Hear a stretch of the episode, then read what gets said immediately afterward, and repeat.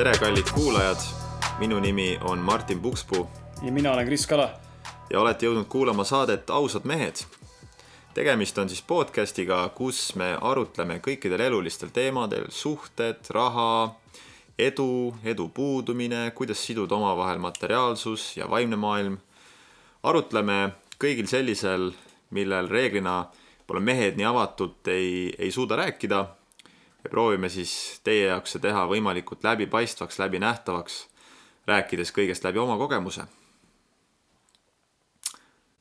kui sa oled uus kuulaja, siis tere tulemast. ja loodame, et sinuga see asi haakub.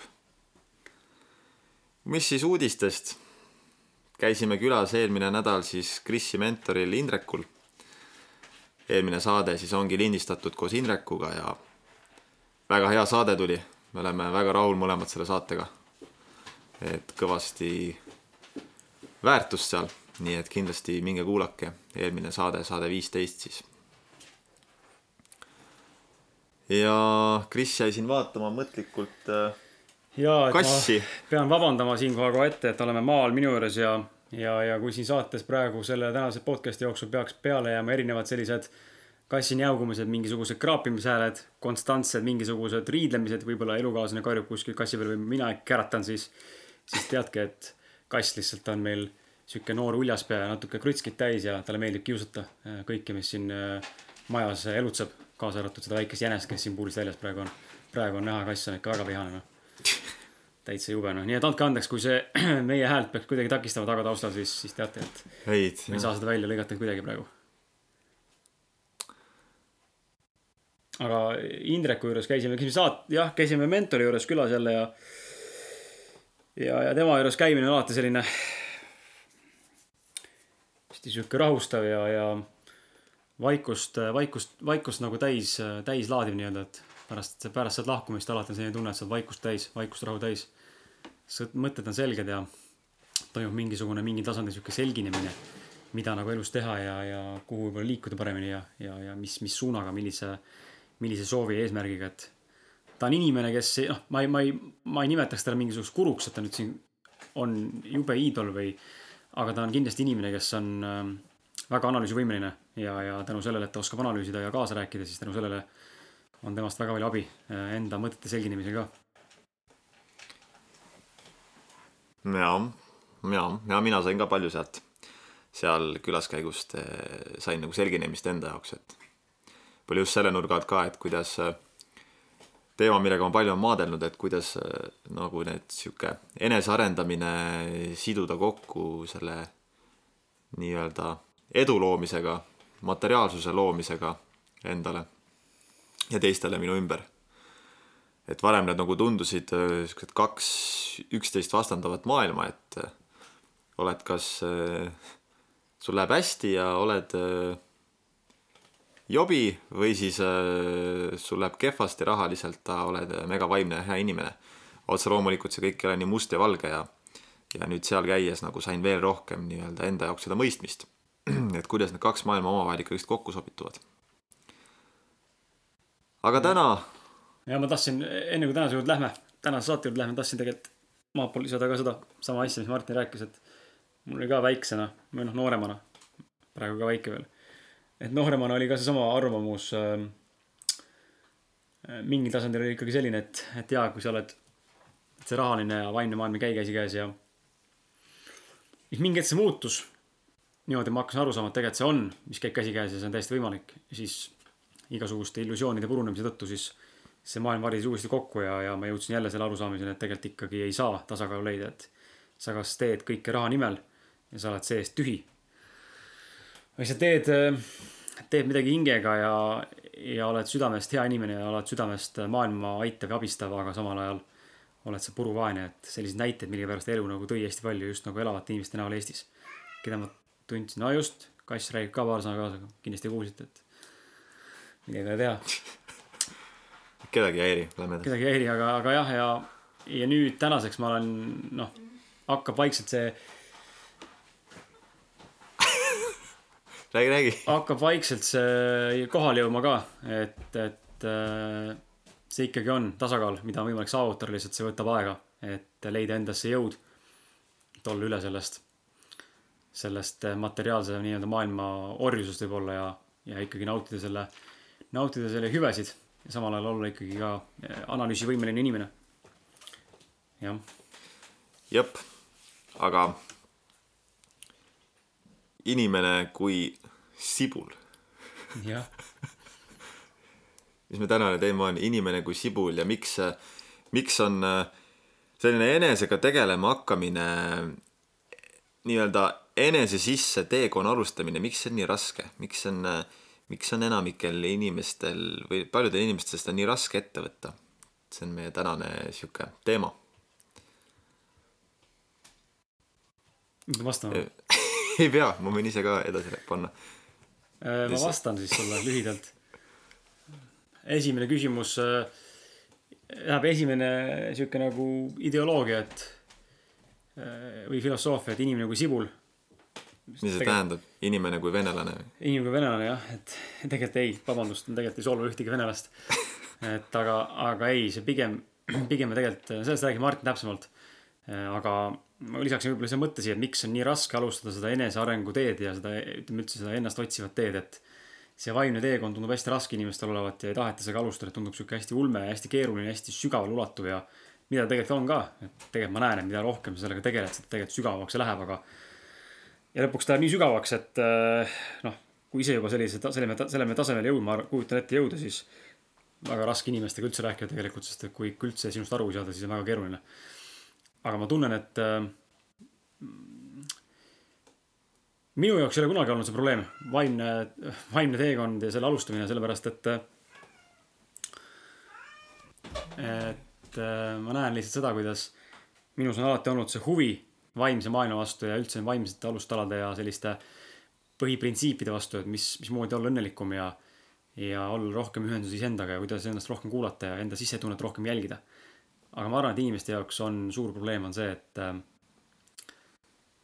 kuna see vajab noh, kuna see vajab väga palju tööd sisetasandil iseendaga, siis inimesed äh, tihtipeale, ma näen ka seda nagu igapäevaelus ka enda puhul teatud tasandil, et me ei ole nõus pingutama ja me ei ole nõus äh, vastu võtma seda nii-öelda nagu väljakutset. Et liikuda selles suunas, kuhu me tegelikult tahaksime liikuda, ehk meil see teekond hirmutab. Ja ma arvan, et see vaimne teekond on kindlasti samamoodi üks nendest teekondadest, mis tegelikult inimesed nagu justkui kohati alateadlikult hoomavad kui suur ja kui põhjalik tegelikult see on ja mida sa tegelikult nendega teha võib. ja ma arvan, et hoomavad ka seda tegelikult, millised on positiivsed tulemused. aga kuna positiivsete tulemusteni on väga pikk teekond, nii nagu näiteks ka trenni puhul, sa tead, mis see trenn sinuga teeb, kui sa teed kümme aastat trenni, siis varem-hiljem on ka tulemus olemas, aga kuna see on nii intimidating ehk siis nii kuidagi nagu, mis eesti keeles ongi, ma ei teagi. See, et sa pikka aega teed ja sa ei näe nagu tulemust otseselt. nagu jah, ei pruugi nagu tulemust näha väga pikalt näha sest et keegi ei garanteeri sulle, et sa täna hakkad siin vaimseid praktikaid arendama ja, ja üldse mingit vaimset nagu arusaama või omaks võtma, et siis homme oled teine inimene, et see ei käi, see ikka päris niimoodi ei käi. Ehm, ma arvan, et see on, mis inimesi hirmutab, on see, on see teekonna, ees olev teekond ja selle nägemine ja selle julgus või kartus ja hirm seda ette võtta. jah. Sest et äh, see enese nii-öelda sisse minemine eeldab seda, et sa leiad sealt tõenäoliselt väga palju nii-öelda sitta. no ikka täiega sitta hakkad leidma sealt üles. siin, siin, siin me jõuamegi selle sibula, sibula analoogiani. et inimene kui sibul, et äh, me elame oma elu nii-öelda sellel pealiskihil kogu aeg. igapäevaselt äh, suhtleme, meil on arusaamad, meil on erinevad uskumused nii-öelda see meie maailmavaade, kuidas me näeme iseennast, kuidas me näeme teisi inimesi, kuidas me näeme seda elu enda ümber toimivat, kuidas me usume seda toimivat. ja nüüd see, see enese nii-öelda arenguteekond hakkab meid vaikselt nendesse kihtidesse viima.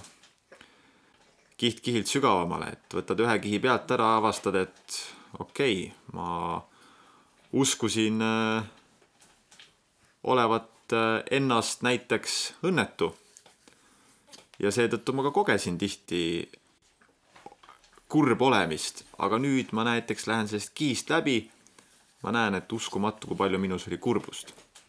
nüüd ma joon järgmise kihini. Ja ma märkan, et äh, minus on väga palju viha, lähen sealt kihist läbi, märkan, et äh, minus on väga palju eneseusu puudumist ja niimoodi kiht-kihilt enda sisse sügavamale minnes, sealt tuleb väga palju valu, kurbust, solvumisi, mingeid äh, traumasid minevikust, lapsepõlvest äh, tuleb ülesse ja see on, see on valus ja väga valus on endale tihti tunnistada, mida me oleme arvanud uskuvat ja, ja teadvat ja mis tegelikult ei olegi üldse tõsi ja see ongi see sibula analoogia, et mida, neid kihte on nii palju ja kunagi ei tea, millal see lõpp on.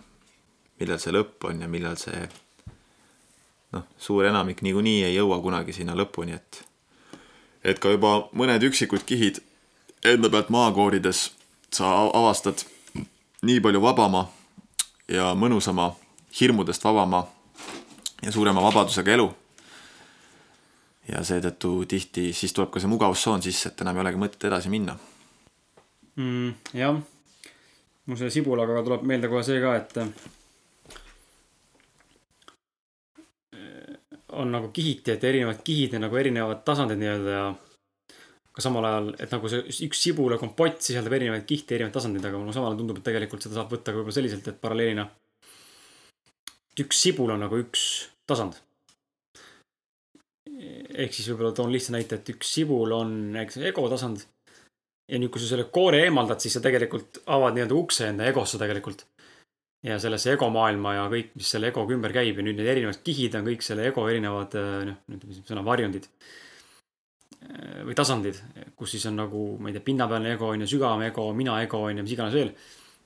ja sa hakkad nagu aru saama võib-olla sellest, et seal on ka neid tasandeid, mis selgitavad, kust see ego tuleb, on ju, sa hakkad nägema neid asju, et sa võib-olla oled elus harjunud võitma kogu aeg.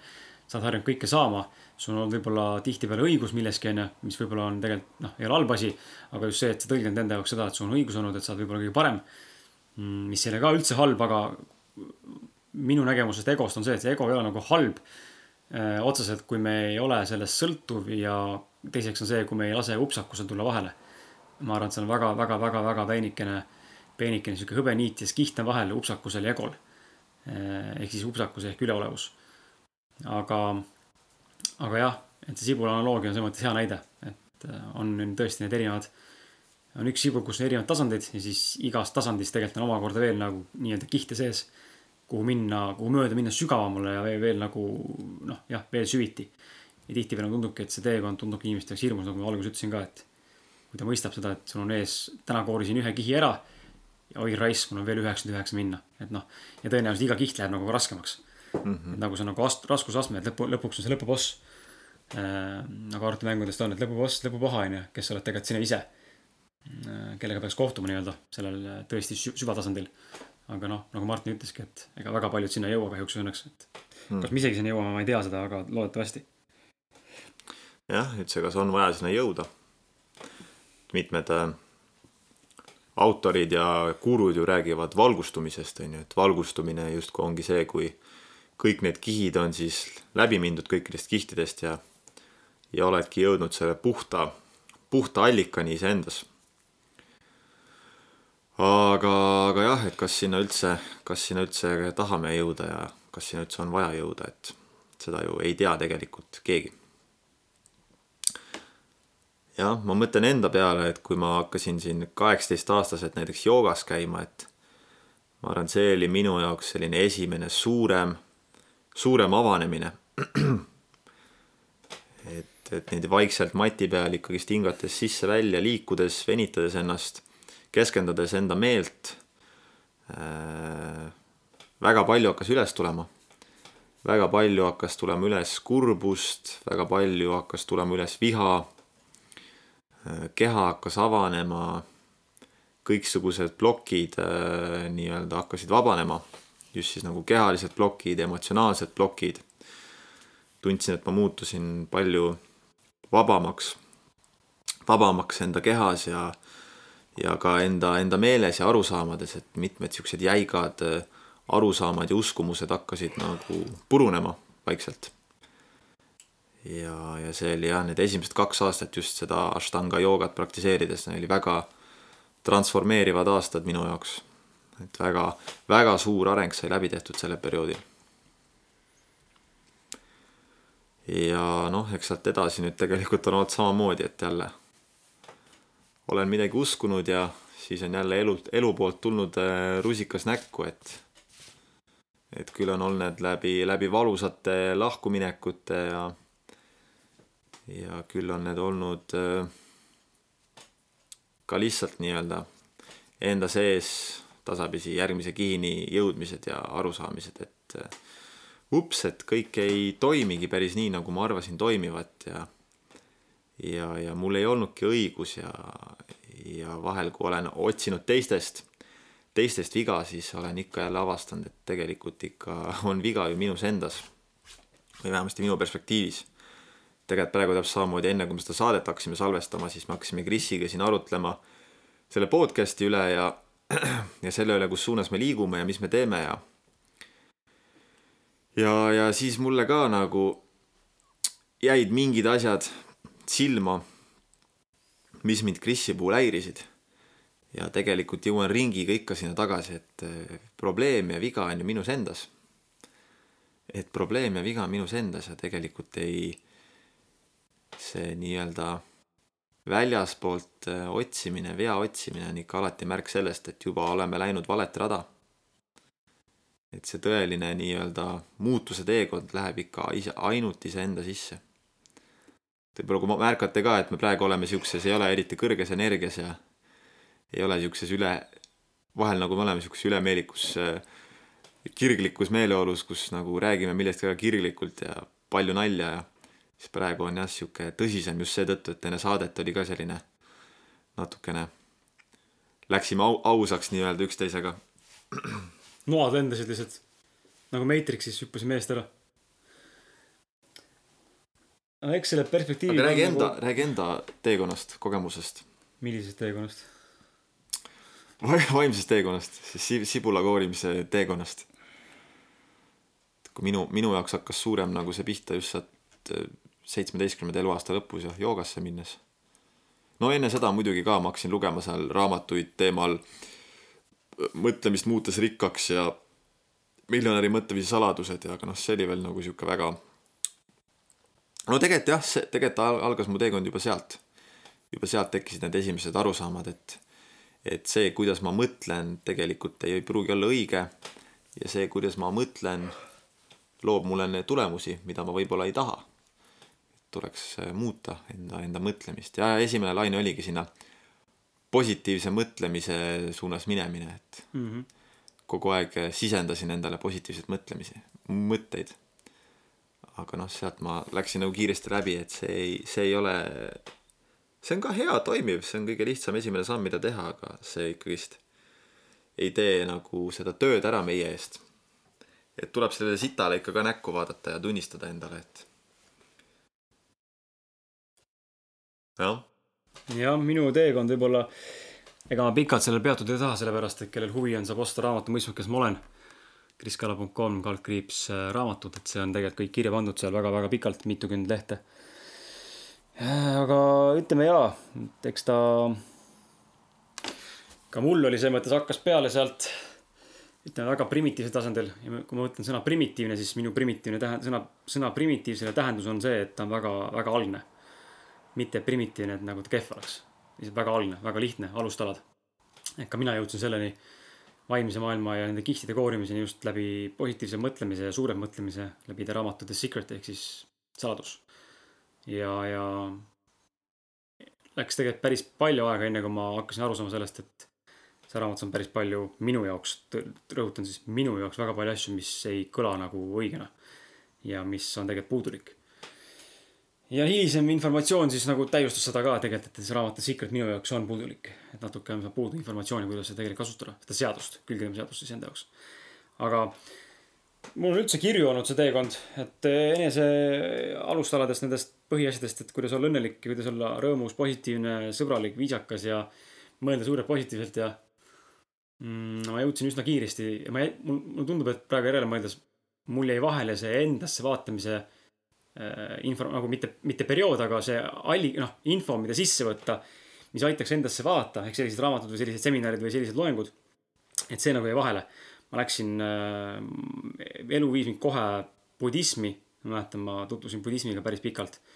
mulle budism tegelikult iseenesest ka meeldib väga. tundub, et ta on üks religioossetest asjadest minu jaoks nagu üks, üks normaalsemaid religioone üldse, kui midagi nagu võtta kokku siit kuskilt. aga, ja pärast seda ma jõudsin ikkagi vandenõu valdkonda, selle maailma illusioonide paljastamise juurde. ma jõudsin puudutada kvantfüüsikat, metafüüsikat isegi veidi. ja, ja lõpuks jõudsin üldse välja püha geomeetriani. ja mingite dimensioonide sagedusteni ja tihedusteni ja äh, täitsa ulmena uurisin galaktikaid ja planeete vaatasin ja et mul nagu on läinud see suund natuke teises suunas, aga pärast seda hakkas tulema rohkem sisse. Hakkas sisse tulema informatsiooni ka enda arengu kohta ja, ja selle kohta, kes me tegelikult oleme, et kogu see power on meis tegelikult endas sees olemas. et ennast muuta, aga see vajab tööd iseendaga ja väga mitmel tasandil, et ähm, ma niimoodi kihiti võib-olla mingit näidet nagu ka ei oska praegu siia tuua, aga, aga võib-olla esitada küsimus sulle ja mulle, Martin, et kuidas siis nagu alustada, et nagu kui täna meie kõrval istub siin äh, inimene, kes tahab alustada vaimset teekonda, nagu tuleks, millest alustama peaks? vastan, vastan enda poolt võib-olla alguses lühi- lühidalt niimoodi, et minu esimene vastus oleks see, et inimene võiks välja selgitada enda jaoks, mis, mis asi üldse on tema jaoks äh, sõna vaimsus äh, või spirituaalsus, sest et ma tean, et väga paljudel inimestel oli ja ma usun, et ka praegu paljudel on selline mõttes selline ütleme, karvad turri ajav äh, reaktsioon, kui kuuldakse sõna spirituaalsus, et see on nagu midagi sellist müstilisust ja mingit esoteerikat ja ja, ja mingi ilge eneseabi ja mingid energiad, asjad ja et spirituaalsus ei ole minu jaoks ainult see, et me räägime energiatest või mingitest äh, inglitest või ma ei tea, allikatest või mingitest milles iganes muus, vaid spirituaalsus on tegelikult ka väga, väga pinnapealselt siin maine asi, see, kuidas sa tegelikult inimesena käitud ja elad. ehk siis see vaimne elamine või nagu vaimne koodeks, mille järgi sa elad, et ära tee teistele seda, mis sa tahad, sulle tehakse. tee teistele seda, mida sa tahad, sulle tehakse, ehk siis vastupidine on ju, ole, ole viisakas, ole sõbralik. ole toetav, ole armastav, ole aus iseenda vastu, teiste vastu. Ära hoople on ju, võib-olla kiida teisi ja ära tee maha ja ära õigusta ja ja ära ole ennatlik ja ära oleta ja nii edasi, et äh, ma arvan, et see on minu esimene küsimus, mida küsiksin inimeselt, kes tahab hakata vaimsel teekonnal minema, et mis on tema jaoks, millist definitsiooni kannab tema jaoks vaimsus? mis on sinu soovitused? piibel, piiblit lugeda või? ma võtaks, soovitaks piiblit jah. ei, tegelikult ma teen nalja. no minu meelest see, noh, sinna jõuab ikkagist inimene läbi selle, kui ta tunneb, et need konventsionaalsed viisid äh, selleks, et liikuda nii-öelda suurema õnne, rahu suunas elus, et inimene näeb enda jaoks läbi, et midagi on nagu puudu selles. et teen küll kõik nii, nagu mulle on õpetatud koolis ja, ja vanemad ja et, et saa omale haridus, saa omale hea töökoht, leia omale partner, ma ei tea, tee lapsed, oleneb, mis vanuses keegi parasjagu on, aga et just, et kui inimene jõuab sinna, et midagi on nagu paigast ära, et see tavaline mudel nagu ei vii sinna tulemuseni, kuhu tegelikult tahaks jõuda ja see hakkab tekitama kannatust see hakkab tekitama kannatusi ja valu ja see hakkab tekitama seda tunnet, et niimoodi ei saa enam edasi minna. Et kuskil tuleb see piir ette, et niimoodi ei saa enam jätkata. et siis jõuab, jõuab tegelikult inimene sinna, kus algab see teekond, enesearengu teekond. ja siis tuleb ka tavaliselt see info, kas jõuab mingi raamat, mis natuke avab silmi jõuab mingi praktika inimeseni, ma ei tea, meditatsioon, jooga, mis iganes, lihtsalt mingi jalutamine õhtuti vaikuses. kelle jaoks joonistamine, noh, mis iganes praktika, mis rahustab sind natuke maha ja viib, viib nagu iseenda sisse ja natukene asetab sind sellisesse vaatleja, vaatleja rolli, et näed lähedalt enda mõtteid ja tundeid ja et minu meelest see algus saab sealt, et seda niimoodi, see ei ole nagu see, et inimene mõtleb, et noh, võiks nüüd, võiks nüüd äh, hakata endaga tegelema, et hästi mi- minu kogemus näitab, et niipidi, niipidi ükski inimene sinna ei jõua, et et on, on küll neid, kellel nagu võib-olla on igav mm. -hmm. ja siis nad jõuavad selle nii-öelda vaimsuseni, et nad hakkavad käima mööda erinevaid eh, joogakoolkondi, loevad raamatuid, ostavad omale kõikvõimalikke budistlikke aksessuaare mm, hakkavad teistmoodi riietuma, hakkavad, ütleme, chill ima sellistes new age ringkondades ähm,. võib-olla proovivad psühhedeelikume, et äh, eks neid inimesi on ka väga palju, aga see minu meelest ei, ei ole nagu see tõeline töö iseendaga, et see ei vii meis tegelikult läbi mingeid muutusi. Et jah, minu kogemus küll näitab, et see tõeline töö ikkagist hakkab sealt, kui inimene nagu tunneb, et äh, miski ei toimi enam, miski on valesti ja, ja samamoodi enam edasi minna ei saa. on vaja muutust. jah, Martin, tahtsid midagi öelda veel? ei. rääkisin, mainis seda jalutamist, et minu isiklik kogemus kinnitab sama asja, et äh, ma ei mäleta, mis vanuses oli, oli, aga ütleme seal vaimse teekonna keskel kuskil siis üsna tihti nädalas paar korda jalutasin sõbraga Äh, kellega elasime seal kõrvut, kõrvuti kortermajades, jalutasime öösiti just. Läksime öösel välja ja varahommikul tulime tagasi, tegime siukest tempokat kõndimist, justkui nagu trenn, kiirkõnd, aga. aga jalutasime läbi Pirita metsade ja Pirita ranna ja kesklinna ja. ja rääkisime juttu ja vaatasime tähti ja, ja vahepeal, mis hooaeg oli, isegi talvel, mäletan isegi talvel tegime seda. et see oli meie jaoks ka hästi sihuke rahustav ja ja, ja ütleme siis pingeid maandav, et sihuke vaimne praktika, et äh, see vaimne praktika ei pea jah, nagu Mart ütles, olema alati sihuke eh, mõtte, mõttega tööd tegev praktika. mis iseenesest äh, ei ole ka halb asi, aga, aga alati võib ka mingi lihtsam vorm olla selleks, et äh, miks mitte. aga nüüd, kui siis äh, minna sellele teekonnale ja alguses võib-olla avastad äh, palju, palju sitta nii-öelda enda seest. kiht-kihi haavalt tuleb üles igasugust jama. et noh, selge see, et see, keegi ju ei tahaks ja ei olekski pointi võtta ette sellist äh, teekonda, kui see nüüd olekski kogu aeg üks sitt ja jama ja noh, milleks siis pigem elad omas mugavustsoonis ja kastis silmaklapid ees edasi, aga vähemalt seal on turvaline ja seal on mingit lõbu ja seal on mingit fun'i ka. aga ei no otse loomulikult mitte, et ega alati, kui noh, minu kogemus ka näitab, et mingist kihist nagu jälle läbi minnes, midagi jälle taibates, mõistes, mingi valu enda jaoks ära lahendades, seal teisel pool seda ust on alati ju nii-öelda valgus, kõlab naljakalt, kõlab natuke nagu mingi piibel või. aga selles mõttes jah, et teisel pool on alati, on midagi lahedat, on, kas äh, avastangi ennast äh, jälle tundmas ennast vabamalt enda kehas. mingid, mingid vanad uskumused, arusaamad on lagunenud, seega ma näen kohe, kuidas ma suhestun tegelikult äh, teistesse inimestesse ja iseendasse ja kõigesse nagu vabamalt, mis jälle loob uusi võimalusi, mis äh, nii-öelda kohe muudab seda kogemust palju vabamaks ja nauditavamaks, igapäevast elukogemust et äh, ja niimoodi ta käib kogu aeg siukse spiraalina, et jälle on järgmine mingisugune takistus või sein ees ja kui sealt jälle läbi minna, siis, siis teisel pool ootab vabadus ja rõõm ja, ja õnn. aga, aga jah, eks nüüd see võib-olla põhiasi, milleni viimasel ajal olen ka jõudnud, on see, et kas, kas, kas, kas annaks ka mingi hetk jõuda sellise vabaduseni, et see see püsibki.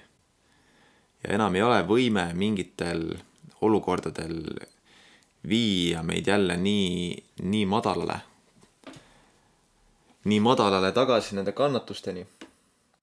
et vot see on asi, millele nagu vastust ei tea.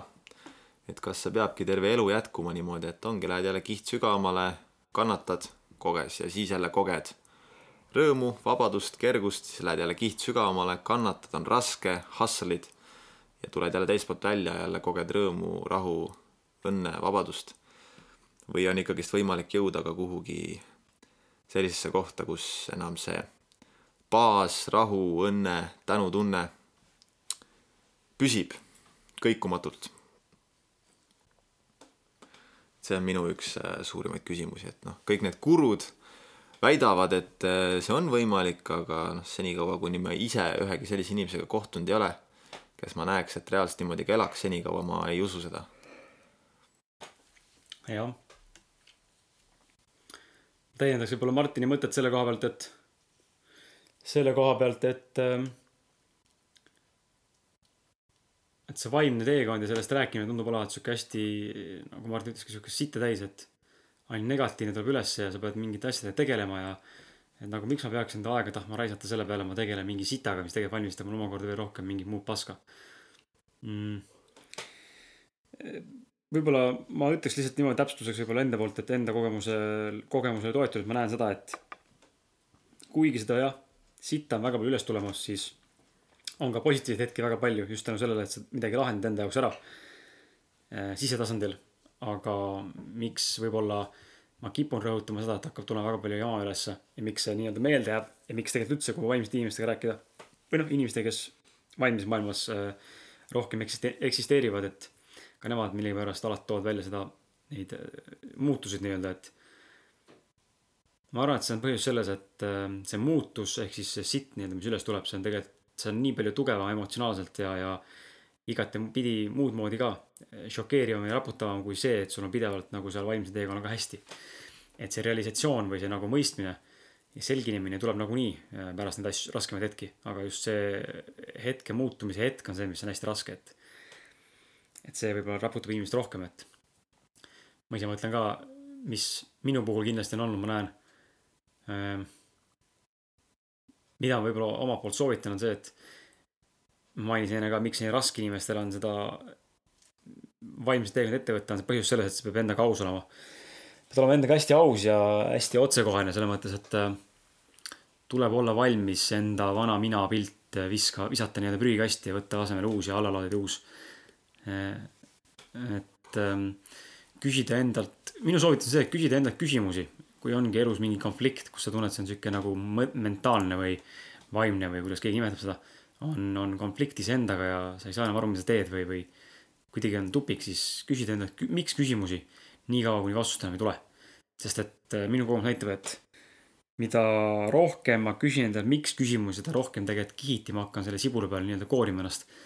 ja üsna tihti ma avastan, et ma lõpuks jõuan välja mingi staadiumini, mis tollel hetkel on minu jaoks nii-öelda nagu see ütleme nagu siis eh, noh, see lagi, et rohkem edasi minna ei saa, sest eneseareng nii-öelda ei ole saanud piisavalt punkte, et lahti, lahti nii-öelda aktiveerida mingit uut arengut. ehk siis ma jõuan oma arengu nii-öelda kuskile tippu, ma saan sellele miks küsimusele vastuse või sellele miks eh, jada küsimustele saan vastuse. ja siis on eh, mul väike rahu mm. -hmm. vähemalt seda olen mina näinud, et et see, et sa sinna lõppu jõuad, ei tähenda seda, et nüüd see ongi kõik, et rohkem ei arene, karikas ei ole täis, lihtsalt see on võib-olla hetke antud elu nagu eluperioodi ja eluetapi juures. ja areng, enesearengu juures on see sinu jaoks lagi mm. -hmm. mis ei tähenda seda, et homme võiks juhtuda midagi muud ja sul avab veel üks uks ennast, kus on veel võib-olla tuhat tasandit. Ähm, et, et ähm, mulle meeldis see, mis Indrek ütles ka eelmises saates, et kes veel kuulanud ei ole, siis ma omalt poolt ka kindlasti soovitan seda eelmist saadet hashtag viisteist jutuajamine mentoriga, ole fucking julge pealkirjaga.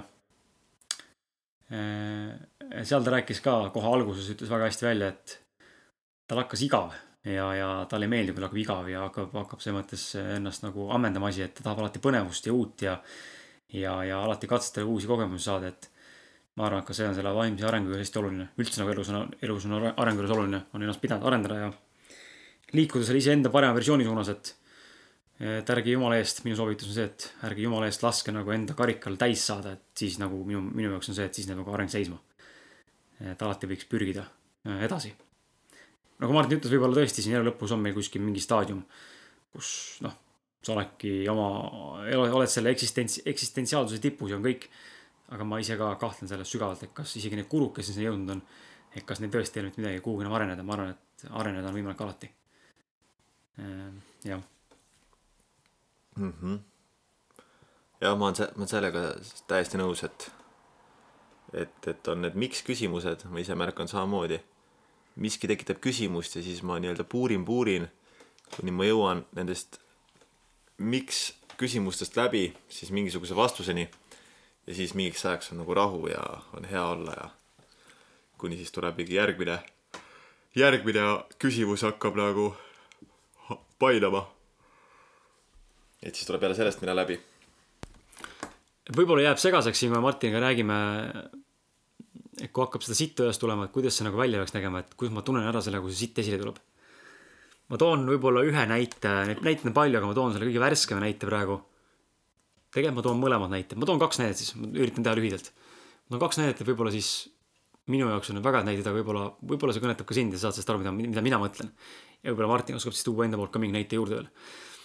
esimene sitt, suurem sitt, mis mul üles kerkis tegelikult oli siin ütleme eelmise aasta talveperioodil ma olin kaks aastat töötanud ühes ettevõttes, väga, väga närvesööv ja pingeline töö, kus inimesed ülepoolt siis ütleme, tööandjad sind ei austa, sinu, sinu tööd ei hinnata ja sulle nii-öelda sinu väärtus, mida sa tegelikult ettevõttele lõid, see oli tegelikult tühi koht nende jaoks ja said ainult sõimata ja, ja põhimõtteliselt olid nagu kahe tule vahel, mina vähemalt oma amet, ametiga, et ühelt poolt sain nagu jalaga perse, teiselt poolt pidin andma alluvatele jalaga perse ja see oli hästi närvesööv periood minu jaoks, et see oli see periood, kus ma tundsin, et äh, eluisu oli otsas. Ja, ja mitte ma oleks nüüd ennast üles tahtnud puua, aga, aga mul ei olnud absoluutselt mitte mingit positiivsust ega, ega mitte mingisugust sellist soovi ennast arendada, sellepärast et ma olin täiesti tühjaks lüpstud, et äh, ma töötasin mõnikord isegi oli seal juhtumid, kus oli seitseteist päeva järjest tööl vaja olla. mis on tegelikult noh, muidugi absurd, see oli mu enda valik ka loomulikult, siin kedagi süüdista, aga lihtsalt nii haige, et sa jõuad koju, sa oled väsinud, magad ära, eks ole, ja vaba päev läheb niimoodi mööda, et noh, sa ei tee mitte midagi. Ja siis tekkiski see tunne, et ma olen ka ainult tööl ja oma elu ei ole ja asjad seisavad.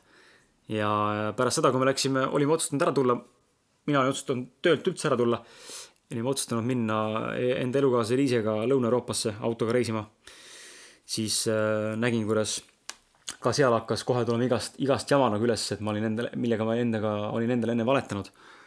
ja, ja, ja tänu sellele toimus ikka mingid selginemised, et et võib-olla selle näite koha pealt ma tahan rõhutada seda, et see sitt hakkab üles tulema just nagu eluliste näidete koha pealt, kui sa tunned, et sa oled nagu õnnetu või, või nagu Martin ütleski, et noh, seesama õnnetu olek ja tunned, et midagi nagu valesti, midagi on puudu ja nagu see on ammendanud ja see ei rahulda enam sind ja kuidagi nagu valesti see, mismoodi sa elad praegu ja kuidas siiani elanud oled.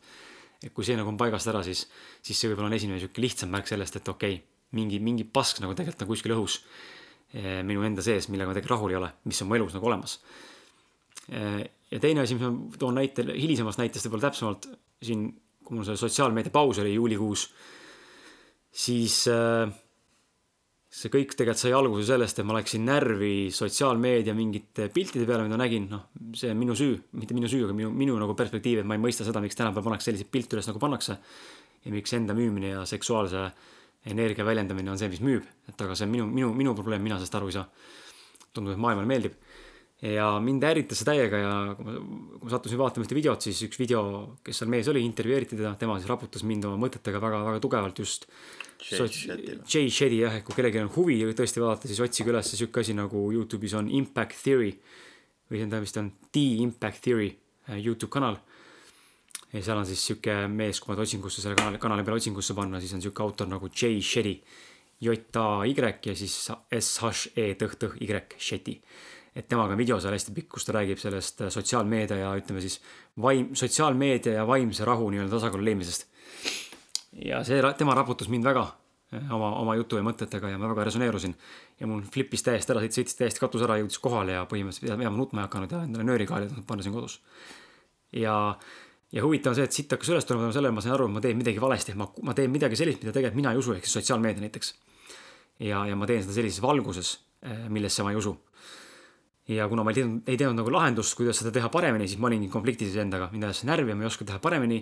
mind ajas närvi, et teised teevad äh, seda, mida nad teevad ja minu jaoks on see vale, aga neil läheb, neil läheb väga hästi, eks ole äh,. teisi inimesi jälgides muutusin kadedaks mingi hetk, sest sa näed, kui hästi kõigil läheb, sest sotsiaalmeedias me tegelikult ju näitame ainult, ainult oma elu tipphetki ja põhilised sündmused ja, ja kõik on ilgelt happy, kõik on ilgelt hästi, kõik muudkui saavutavad jõuavad kuskile, arenevad ja kõik on ilgelt tore ja aga mitte keegi ei näita mitte kunagi seda, kui perses tegelikult su elu on ja see nagu raputas mind ja pani mõtlema, ma tahan hakata rohkem näitama seda, kui perses tegelikult on äh, üks inimene. ja noh, ei, ma olen aus, noh, selles mõttes, et sitta meil kõigil ja ma tunnen ka, ma olen ikka väga katki tegelikult inimesena. mitte noh, väga katki minu jaoks ei ole nagu hirmuäratav, see on võib-olla ülekantud tähenduses, et ma olen kõva arengu läbi teinud, aga, aga ma tunnen, väga palju on, väga palju on ikkagi neid kihte veel, mis tegelikult vajavad väga palju tugevat tööd, võib-olla isegi peksmist äh, mingil tasandil, vaimse machetaga. aga see kuu aega ilma sotsiaalmeediata oli see, mis tõi minule selle selginemise, ma hakkasin läbi elama ennast päevikusse, kirjutasin küsimuste vastuseid, miks ja kuidas mismoodi, mis ma teinud olen ja miks ma teen niimoodi ja miks ma siiani niimoodi tunnen ja miks ma arvan seda ja mida võiks teistmoodi teha ja miks ma võiksin teistmoodi teha ja miks see teistmoodi võiks olla parem, kui siiani olen teinud ja nii edasi, nagu hästi filosofeerida ennast ja suruda ennast küsimustega ja, ja vastata võimalikult ausalt, see, mis tuleb, paned kirja. ja siis nagu ennast nii-öelda ka vastu suruda, et kas see mõte on ikka õige, mis sa praegu välja ütlesid. ehk olla endaga hästi aus ja hästi, hästi avatud, hästi, hästi otsekohene, hästi, hästi läbipaistev endaga mis on hästi raske mõne jaoks, ma kujutan ette. minu jaoks ei ole see kunagi raske olnud, et võib-olla see on, ma ei tea, kaasasündinud oskus või ma ei, ma ei kujuta ette, noh, et aga minu jaoks on see lihtne. mulle meeldib teha seda, endale nii-öelda jalaga näkku anda. selle Jack Norrise Roundhouse Kickiga endale just tatti anda lihtsalt. niimoodi, et sa lööd selle keerduksega paugu kinni. ja, ja siis pärast seda kuuajalist pausi ma tegelikult jõudsin selleni, et probleem sai alguse ju sotsiaalmeediast. Aga ma jõudsin omadega selleni välja selle kuu jooksul, et ma tegelikult olin häiritud lisaks sotsiaalmeediale olin ma häiritud sellest, et ma olin hakanud enda kui kirjaniku nii-öelda oskuslikku kirjutamisoskust või sellist eneseväljendust nagu nullima ja potentsiaali raiskama ja tegelikult hävitama. ja ma ei uskunud enam sellesse, mida ma teen ja tänu sellele ma olin hakanud täiesti valesti kirjutama uut raamatut täiesti valedel paradigmadel ja põhimõtetel ja, ja ütleme mustritel ja perspektiivilt. Ja ma olin nii ennast nii nurka kirjutanud, sest ma kirjutasin midagi sellist, millesse ma ise tegelikult mitte ei usu, vaid millega ma ei oska ennast resoneeruda panna. ja ma lõpuks jõudsingi selleni, ma olin tegelikult, probleem tegelikult viis mind selleni, ma lahendasin ära oma kaua seisnud raamatu mittekirjutamise probleemi ja tänaseks päevaks ma saan jälle kirjutada. et võib-olla see on niisugune näide, et me kunagi ei tea, noh, millest ühest sitast võib tulla hoopis teine probleem tegelikult välja, et mm. -hmm siin hääl tahab murduda, ma kuulen juba, et, et aga, aga jah, et see oli minu näide võib-olla sellest, kuidas sitt hakkas üles tulema, et ma olin jubedates konfliktis selle sotsiaalmeedia maailmaga ja ja sellega ma tegelikult ei olnud rahul. sellega, et mul ei lähe nii hästi, nagu ma tegelikult tahaksin, mul läheks mm. -hmm. jah, mõtle, mis, mis, mis näide nagu enda puhul välja tuua niimoodi. mulle väga meeldis sinu, sinu näited tegelikult. väga, väga aus ja väga ehe. Ma arvan äh, minu puhul võib-olla võiks välja tuua, ütleme seal alates, alates sellest, kui ma tulin esimene kord Austraaliast tagasi, siis kaks tuhat neliteist aastal või. et alates sealt ma nagu, ma tegin palju erinevaid töid, nii-öelda siukseid noh, lühiajaliselt siin-seal restoranis ja kämpingutes ja, ja mõni sihuke projektipõhine töö ja tegin siukseid erinevaid ja, ja Tai, Tais ju käisin massaaži õppimas, Tai massaaži ja proovisin seda nagu vabakutseliselt teha ja mingeid joogatunde juhendasin ja et ja kogu aeg ma jõudsin mingi hetk nagu mingi seinani, kus äh, ma jälle tegin mingi kardinaalse elumuutuse. kas siis läksin töölt ära, läksin äh, teist korda Austraaliasse, jälle vahetasin mingit tööd, läksin teisele tööle, kolisin, noh nagu palju erinevaid asju tegin, erinevates kohtades elasin ja, ja pidevalt nagu jõudsin mingi seinani, kus jälle nagu edasi ei saanud minna, rahul ei olnud. ja kuni ma siis lõpuks teist korda restoranis töötades ja jõudes jälle sinna punkti, kus ma tundsin, et ma olen täiesti rahulolematu. Äh, ma ei ole õnnelik, kõik mu energia on pidevalt kadunud ja, ja siis mul lõpuks jõudis kohale, et, et ma lihtsalt äh, teen vale asja. et ma juba tükk aega tegelikult olin teadnud, et äh, ma tahaks tegeleda treeninguvaldkonnaga, ma tahaks äh, inimesi treenida. Aga kuidagi kogu aeg ma nägin nagu takistust, et ma ei saa seda teha. seal valdkonnas ei ole raha piisavalt kuidas ma alustan, kuidas ma õpin. ühesõnaga nägin nagu takistusi enda jaoks ja pidevalt üritasin seda teha nagu mingite teiste põhitööde kõrvalt nii-öelda, aga see kunagi ei õnnestunud ja. ja siis lõpuks siis äh, tundsin, et nii edasi minna ei saa ja, ja võtsin aja maha, võtsin end töötuks. Kolisin siis äh, ema juurde elama, sain oma kulud kõik tuua täiesti minimaalseks ja ja sealt siis läksin äh, personaaltreeneriks õppima ja ja sealt on kõik nüüd edasi, edasi, edasi rullunud, et et see võiks olla nagu minu näide mm. -hmm. teinekord tuleb väga julgeid otsuseid vastu jah, see oligi, see oli tegelikult, äh, ma mäletan, mul oli juba mitu aastat, ma mäletan, kui ma tulin tagasi mm, siis Austraaliast esimene kord ja ma olin äh,, olin, olin siin äh, Eestis, proovisin seda taimassaaži teha ja ma mäletan, kui mul juba esimest korda käis see klõpp, klikk ära, et äh, lihtsalt mine koli mõneks ajaks ema juurde, et sa oled veel noor mees, nagu millal seda veel siis teha, et praegu, et lihtsalt mine koli ema juurde, võta aeg maha, saa nagu selgust endas. ma mäletan tol ajal, ma olin vist siis mingi kakskümmend kaks äkki või, see hirm kolida ema juurde oli nii suur, see tundus minu jaoks nagu võimatu samm. sellepärast, et ma nii meeletult äh, olin kaevanud ennast sinna ühiskonna sihukesesse paradigmasse või iseendale seatud, äh, ma isegi ei kujuta ette, kelle poolt seatud nagu ootustesse et kuidas noor elujõuline kahekümne kahe aastane mees võtab end töötuks, et see oleks justkui tunnistamine iseendale ja kõigile teistele, et et sa ei saanud hakkama, et sa kukkusid läbi, et kuidas sa kolid ema juurde. Come on, et nagu teeni raha, saa hakkama endaga, näita, et sa suudad, onju. ja see tunduski nii hirmutav läbikukkumine mulle endale, kui ma seda teeksin. ja ma tohutult kartsin ka, mida, mida kõik teised minust arvaksid ja siis ma veel seal mingi aastakese proovisin nii-öelda edasi, edasi tõmmelda seal. ja noh, muidugi suutsingi raha teenida, eks ju, aga, aga ikkagist jõudsin lõpuks sinnasama seinani välja, et nagu nii ei saa jätkata. nii ei saa jätkata ja, ja tuleb ikkagist võtta see aeg maha ja, ja kolisin. võtsin end töötuks ja kolisin ema juurde ja noh, suureks üllatuseks muidugi see ei olnudki tegelikult nii hirmus ja, ja see oli tegelikult mega, mega hea valik selles mõttes ja, ja oli, oli emal hea meel selle üle, et, et ma koli, elasin pool aastat tema juures. et, sest ma ju üsna noorelt tegelikult juba kolisin, noh, vanemad on lahus, kolisin isa juurde, on ju, üsna noorelt nii-öelda hakkasin omapäi toimetama, et mingil määral mu ema tundis ka, et tal jäi üldse puudu see, et nagu oma kasvava pojaga nagu aega veeta. et nüüd sai see nagu tagantjärgi natukene ütleme, korvatud ja, ja samamoodi vennale oli kindlasti sellest palju, palju rõõmu, et äh, olin väiks, väiksem vend mul siis, kes nüüd sai just kaheksateist, et et temale olin seltsis ja ja just nimelt see oligi nagu periood, kus, kus äh, sain aja maha võtta ja sain nagu suuna uuesti paika panna ja ja nüüd on ju ainult, ainult positiivsed tulemused sellest tulnud, et et tihti just need kõige hirmsamad valikud, mida me kardame, aga me tunneme, et me peame ja tahame teha, ongi, ongi need, mida, mida tuleb teha ja ja teisel pool seda ootab alati see suurem vabadus ja suurem rõõm.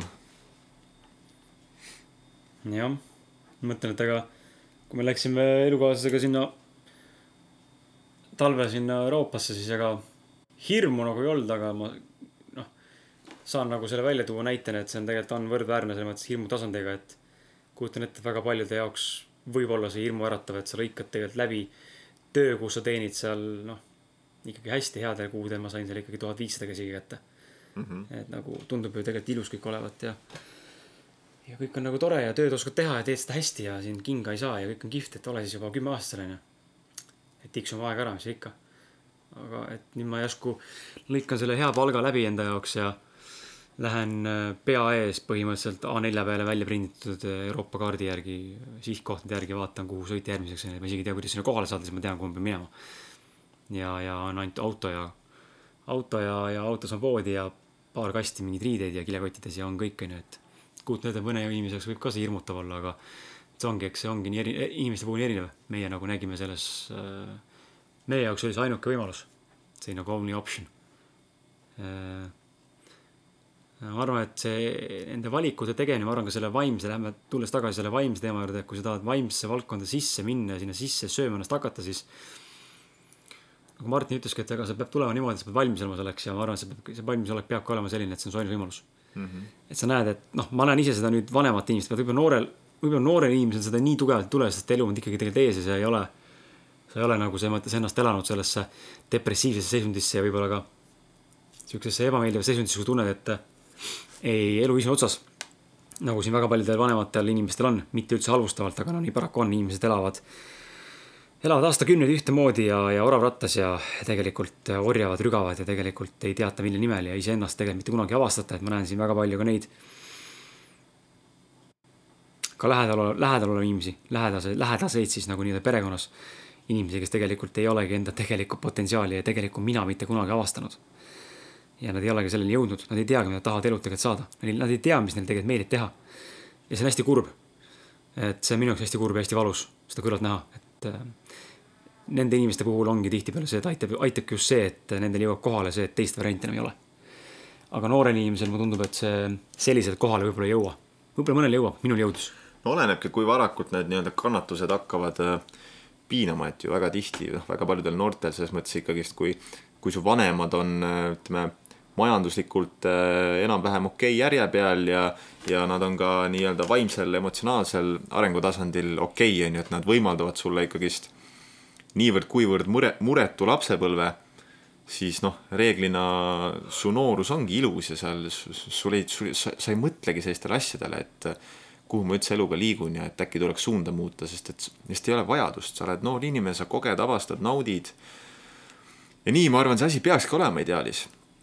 aga kuna meie elu on olnud teistsugune, me oleme juba noorest saati olnud nii-öelda pidanud kannatama ja nagu vaatama otsa nagu sellele, et nagu fuck raisk, no ei, ei ole rahul ja ei saa nii edasi minna, siis eks me olemegi jõudnud nende teemadeni nii varakult, aga jah, võib-olla enamik, paljud inimesed jõuavadki nende teemadeni alles siis, kui see nii-öelda noorus on läbi ja on tekkinud see sihuke täiskasvanu hea rutiin ja võib-olla on juba seal perekond ja, ja siis alles nagu jõutakse selleni, et no persse, et tegelikult äh, niimoodi edasi minna ei saa.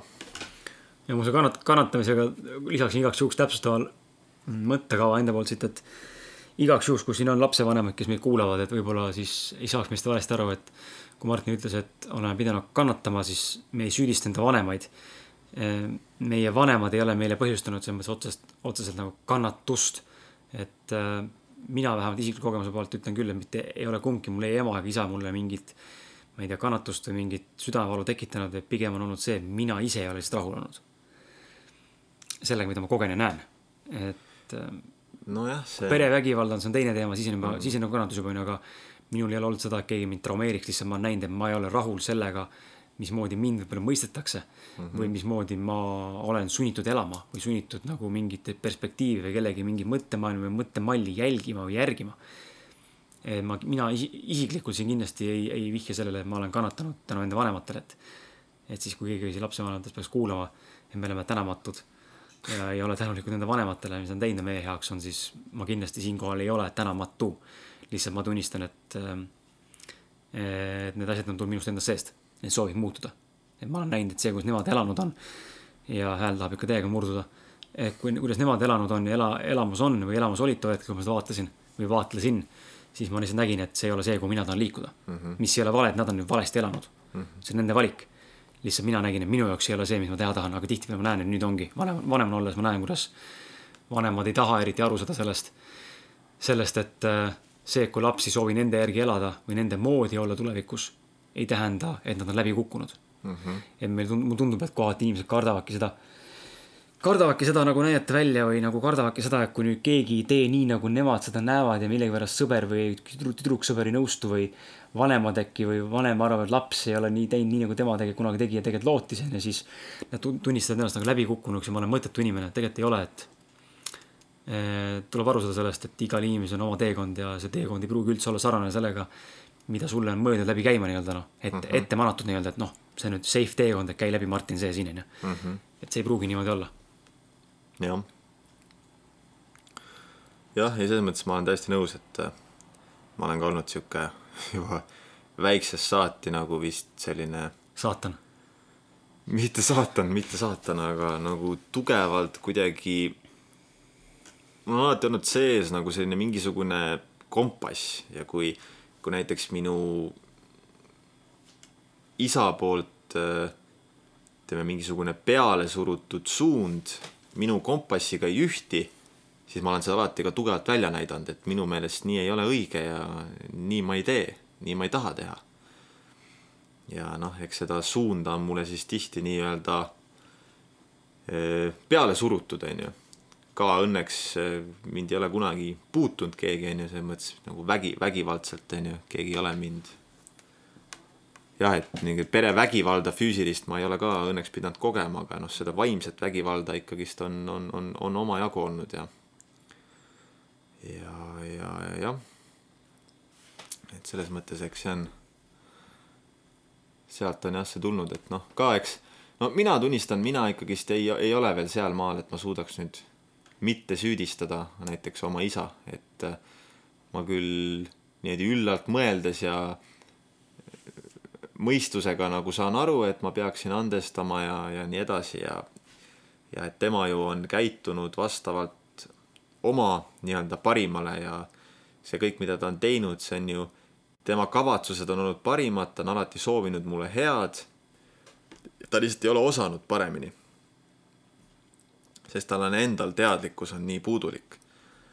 aga noh, eks selge see, et äh, mina tunnen küll, et ma veel ei, ei suuda andeks anda tegelikult niimoodi ja, ja seda viha ja trotsi on ikka meeletus koguses sees veel et äh, ma jah, mina tunnen hetkel niimoodi, kui ma lõpuni aus olen endaga, et vahel ma nagu tunnen, et ma suudan, suudan nii-öelda andestada, aga aga siis järgmisel hetkel ma jälle saan aru, et oi-oi-oi-oi-oi, seda kuradi viha ja pettumust on seal ikka nii palju sees, et no täitsa jõhker noh.